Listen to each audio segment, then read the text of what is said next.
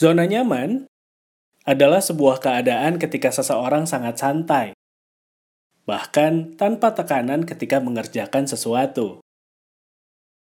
Tanpa disadari, kondisi ini bisa bikin kita sulit untuk berkembang, teman-teman. Sayangnya, menurut riset dari Cornell University US tercatat, lebih dari 70% masyarakat dunia takut keluar dari zona nyaman karena enggan menghadapi resiko baru dalam hidupnya. Kali ini saya bakal ngobrol sama sahabat saya, Sandi Andika. Anak muda yang berani keluar dari zona nyaman dan menjemput passionnya di industri pet animal. Saya Fendi Rahman, kita denger yuk ceritanya di Bicara Makna, Makna Kata Podcast.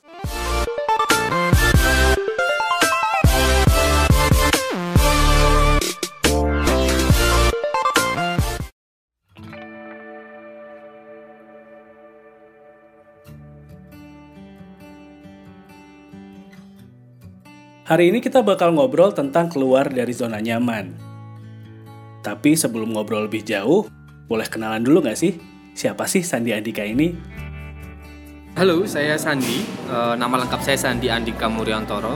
Saat ini saya sebagai profesional breeder atau pemilik Singosari Catry dan beberapa kegiatan saya di luar itu uh, mengisi beberapa seminar yang diadakan Cat Lovers Indonesia dan juga grooming coach. Dan saya dua tahun ini coba untuk uh, menjadi juri di Fun Show. Itu sih kegiatan saya. Awal tertarik sama kucing gimana tuh ceritanya San? Kalau tertarik sama kucing itu saya udah mulai dari kecil ya kayaknya. Hewan lah apa pun. Cuman uh, pelihara kucing itu uh, saya mulai waktu itu saya punya uang sendiri nih waktu kerja itu kuliah. Karena kuliah saya ada part time pelihara kucing biasa dan menjadi seorang profesional itu di tahun kalau nggak salah 2011 saya mulai fokus di ras tertentu yang memang uh, kita terdaftar internasional maupun nasional uh, sebagai breeder atau peternak kucing yang diakui oleh Indonesia maupun internasional. Kalau perjuangan buat jadi profesional breeder, kayak gimana tuh? Untuk mendapatkan sertifikasi itu, untuk menjadi paling tidak kita sebutnya professional breeder yang kita bergerak di satu satu ras tertentu untuk tujuan memperbaiki ras tersebut dengan kualitas yang jauh lebih baik. E, salah satunya kita harus mengikuti diklat. Itu untuk nasional di Indonesia sendiri. Ada diklat e, ICA atau kalau misalnya untuk internasional kita tinggal daftar online aja dengan beberapa parent stock atau indukan-indukan yang ada di catering kita sebenarnya cukup mudah sih cuman paling tidak kita punya basic perawatan dan maintenance-nya dia bagaimana sih di kucing itu dan visi dan misi yang jelas untuk kucing kita itu mau diapakan apa cita-citanya pengen jadi professional breeder dari dulu? Menjadi professional breeder enggak, enggak juga, enggak, enggak, enggak ada ketertarikan yang seperti apa. Cuman ketika perjalannya waktu saya memelihara kucing, saya melihat teman-teman senior saya, oh iya ternyata punya kucing yang yang bersertifikat lah katakanlah seperti itu e, sama aja gitu loh. Kucing domestik, kucing kampung, kemudian kucing bersertifikat perawatannya juga sama. Oleh sebab itu saya memutuskan ya sudah kenapa enggak kita coba untuk bergabung sama profesional atau bergabung di catering atau peternak itu tadi. Jadi ya di tahun 2011 itu saya memutuskan untuk mendaftarkan untuk menjadi peternak supaya hasil breedingan kami Singosari Catering itu bisa terarah dan juga uh, kita bisa ikut berpartisipasi bagaimana sih menghasilkan kucing yang berkualitas untuk orang Indonesia. Kalau boleh tahu sebelum jadi profesional breeder, profesinya apa nih San? Saya ketika kuliah itu basic saya ada paramedis, terutama di perawat, nurse. Jadi saya membiayai kucing-kucing saya semuanya itu dari situ. Dan beberapa lah uh, saya punya pernah kerja di asuransi, kemudian online, uh, eh, MC online, kemudian modeling ya, ya orang-orang muda zaman dulu itu kan kita banyak coba ya mas ya. Jadi ya semuanya aku coba untuk saya mendapatkan income yang istilahnya saya tidak merepotkan keluarga dan income tersebut bisa menghidupi hobi saya yang katanya orang terbilang mahal katanya cuman sih kalau misalnya kita punya program yang jelas ya bisalah untuk mensupport hobi kita uh, sampai saat ini Berawal dari para medis sampai akhirnya memutuskan untuk jadi professional breeder. Kenapa tuh San berani keluar dari zona nyaman? Karena beda sih kalau misalnya professional breeder itu kan kita memang harus punya program dan kita harus konsisten kemudian fokus. Saya pribadi sih karena saya seneng sama hewan, terutama di kucing. Kenapa enggak? Saya harus benar-benar fokus pada kegiatan hobi saya yang uh, dibilang juga antara menguntungkan dan tidak. Tapi rasa nyaman yang saya dapatkan lebih banyak ketika saya menjadi profesional breeder dibandingkan kerjaan saya yang utama. Seperti itu. Terus tanggapan keluarga waktu itu kayak gimana? Tanggapan keluarga sih, uh, alhamdulillah orang tua saya sih support. Cuman ya pastilah orang tua memberikan masukan-masukan apa impactnya buat kamu nanti ke depan kayak gitu. Itu cuman saya meyakinkan karena sebenarnya profesional breeder itu tidak kita hanya berjualan kucing ya itu harus digaris bawain. Ya, kegiatan saya juga tidak hanya bergo istilahnya kucing tersebut dianakkan kemudian dijual nggak hanya seperti itu. Karena kebetulan juga waktu itu saya juga bekerja di salah satu produk Indonesia. Kebetulan sampai head marketing lo pertamanya brand ambassador head marketing. Nah itu yang bisa menghidupi hobi saya gitu loh sampai sekarang. Mungkin bisa dibilang seperti itu. Artinya ketika saya memutuskan keluar dari paramedik saya juga punya pegangan sendiri yang memang sejalan dengan hobi saya terutama di hewan terutama uh, khususnya di kucing itu tadi. Sehingga uh, penghasilan tadi bisa mensupport hobi saya meskipun nanti ketika kita yang namanya breeding tadi menghasilkan ya ya itu untuk kucing itu sendiri gitu. Jadi ya prinsipnya saya hobi ada yang biayain dari kerjaan saya yang yang seistilahnya apa ya sejalan. Seperti di brand ambassador kemudian head marketing yang keduanya tersebut berjalan di kucing juga di hewan di pet animal. Jadi ya ya ya saya nyaman kayak gitu loh tantangan setelah keluar dari zona nyaman apa sih San? Tantangannya kalau zaman dulu saya kalau misalnya tidak menghasilkan apa-apa dalam satu hari, setiap bulan saya masih ada yang gaji. Karena saya ikut orang, katakannya seperti itu ya. Artinya ikut orang itu ya ya gaji saya tetap akan dibayarkan gitu loh. Tapi untuk sekarang ini saya harus berinovasi. Uh, kemudian apa sih yang baru? Kita selalu update hal-hal yang memang bisa kita beri manfaat ke orang lain supaya manfaat orang lain itu bisa ada impactnya ke kita. Mungkin ya impactnya bisa mereka lebih tahu salah satunya atau bahkan menghasilkan salary sendiri buat kita. Seperti itu. Ya contohnya seperti kita mengajar grooming gitu kan ya. Kan itu menghasilkan salary. Mereka orang-orang yang mengundang saya dia mendapatkan uh, ilmu untuk tentang grooming itu kan basic sekali dalam perawatan. Untuk saya saya mendapatkan salary yang berguna untuk menghidupi kucing-kucing saya yang ada di rumah. Kan gampangnya seperti itu. Itu sebenarnya tantangan karena kita harus update terus. Kemudian tantangan yang kedua ya mungkin banyak orang yang ngapain kamu? Zaman dulu sudah bekerja enak-enak setiap bulan dapat duit bla bla bla bla bla tapi keluar gitu.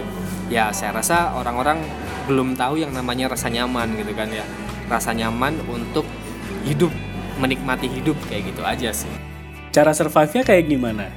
Uh, salah satunya saya sering update uh, ilmu-ilmu yang mungkin dari teman-teman profesional yang lainnya mengikuti seminar juga seminar apa pun itu yang berhubungan dengan pet dan saya tetap mencari referensi yang bisa nanti saya bagikan gitu. Artinya kita tidak diam menjadi profesional breeder tidak hanya kita berusaha ngawinkan kucing A sama B menghasilkan kucing C no bukan seperti itu. Cuman kita harus benar-benar update bagaimana sih supaya paling enggak hasil hasil breedingan kita tuh berkualitas. Itu yang pertama. Kemudian yang kedua kita update ilmu-ilmu yang berguna untuk orang lain sehingga orang lain mendapatkan manfaatnya dan kita juga mendapatkan manfaatnya. Bisa dalam bentuk imbal balik ilmu pengetahuan atau bahkan hingga salary ke diri kita sendiri seperti itu. Terus yang didapat setelah keluar dari zona nyaman apa aja tuh San? Yang didapat uh, yang jelas rasa nyaman pasti saya akan lebih dapat sekali ketika uh, saat ini dibandingkan zaman dulu. Bukannya berarti zaman dulu nggak nyaman enggak zaman dulu saya juga sangat nyaman sekali karena zaman dulu saya berhubungan dengan orang. Istilahnya dari Allah Subhanahu Wa Taala dia mengirimkan ke saya untuk me memberikan uh, apa namanya rasa sakitnya orang itu bisa sembuh. Itu adalah rasa rasa nyaman yang atau rasa yang tidak bisa diungkapkan dengan kata-kata terutama ketika orang itu sembuh bicara terima kasih kepada kita keluarganya memberikan ucapan terima kasih kepada kita uh, ketika kita bisa berhasil katakanlah lewat perantara Allah ya subhanahu wa taala itu dia sembuh kembali itu rasa nyaman. Cuman sekarang ini saya lebih lebih nyaman lagi karena saya bebas menjalankan hobi saya kayak gitu jadi saya benar-benar fokus kepada satu hal yang memang dari dulu mulai dari kecil saya senang hewan. Tapi terkhususnya sekarang ini saya terjunnya di kucing meskipun tidak menutup kemungkinan mungkin aja nanti saya bergabung bergabung di animal defender atau yang lain-lainnya. Cuman pada saat ini saya fokusnya memang di kucing gitu jadi ya ya apa yang bisa saya berikan kepada teman-teman cat lover supaya dia bisa menambah ilmunya dengan pengalaman saya kemudian referensi-referensi yang saya baca dan pengalaman-pengalaman saya saya juga untuk mengikuti seminar dan lain-lainnya itu memberikan manfaat juga kepada orang lain. Sama sih sebenarnya cuman saat ini saya lebih jauh lebih nyaman dibandingkan dulu. Tapi bukan artinya zaman dulu saya nggak nyaman. Nggak sama nyamannya cuman kalau itu saya lebih nyaman sekarang. Ada pesan nggak buat teman-teman yang pengen keluar dari zona nyaman? Pesannya sih sebenarnya simpel aja. Kalau misalnya kita kepengen keluar dari zona nyaman itu yang penting kita punya visi misi yang jelas dulu.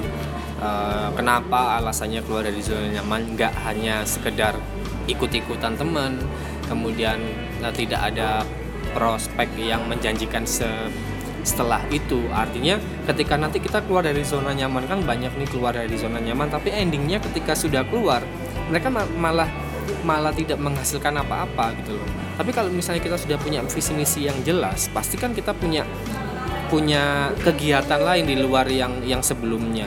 Jadi ya itu sih kalau misalnya teman-teman memang kepingin lebih fokus kepada kegiatan yang dirasa saat ini lebih nyaman ya kenapa enggak keluar gitu. Cuman ya kita harus punya pegangan. Artinya pegangan itu gimana kita bisa bisa bertahan uh, ketika kita keluar dari zona nyaman itu sendiri. Kalau pesan buat teman-teman yang keluarga atau kerabatnya lagi nyoba buat keluar dari zona nyaman apa tuh pesannya sih untuk keluarganya gimana ya? Mensupport. Karena saya banyak support dari teman-teman saya teman-teman terutama keluarga saya uh, kakak orang tua pastinya uh, teman-teman dekat saya mensupport. Itu aja sih. Karena support dalam bentuk apa pun tidak hanya material gitu kan ya uh, support kata-kata ayo semangat dan lain-lainnya itu itu hal yang paling penting. Karena itu membuat kita lebih berkreatif liar katanya seperti itu ya untuk karena kita mendapat support gitu loh dari lingkungan aja sih. Terakhir nih San, kira-kira pengen tetap jadi professional breeder atau balik lagi jadi tenaga medis? menjadi tetap professional breeder. Iya karena uh, saya sudah memutuskan itu meskipun uh, saya sudah punya basic profesional di medis, masih tetap bisa saya gunakan untuk diri saya pribadi dan juga untuk menolong orang lain karena saya sudah ada basic itu.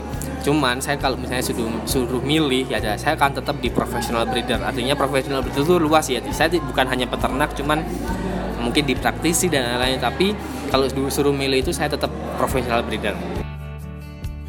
Itu tadi cerita sahabat saya, Sandi Andika, tentang perjalanannya keluar dari zona nyaman. Kalau kamu, gimana? Udah berani belum keluar dari zona nyaman?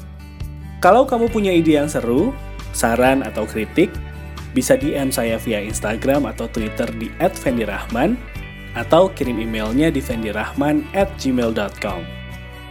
Terima kasih sudah mendengarkan makna kata podcast. Saya pamit.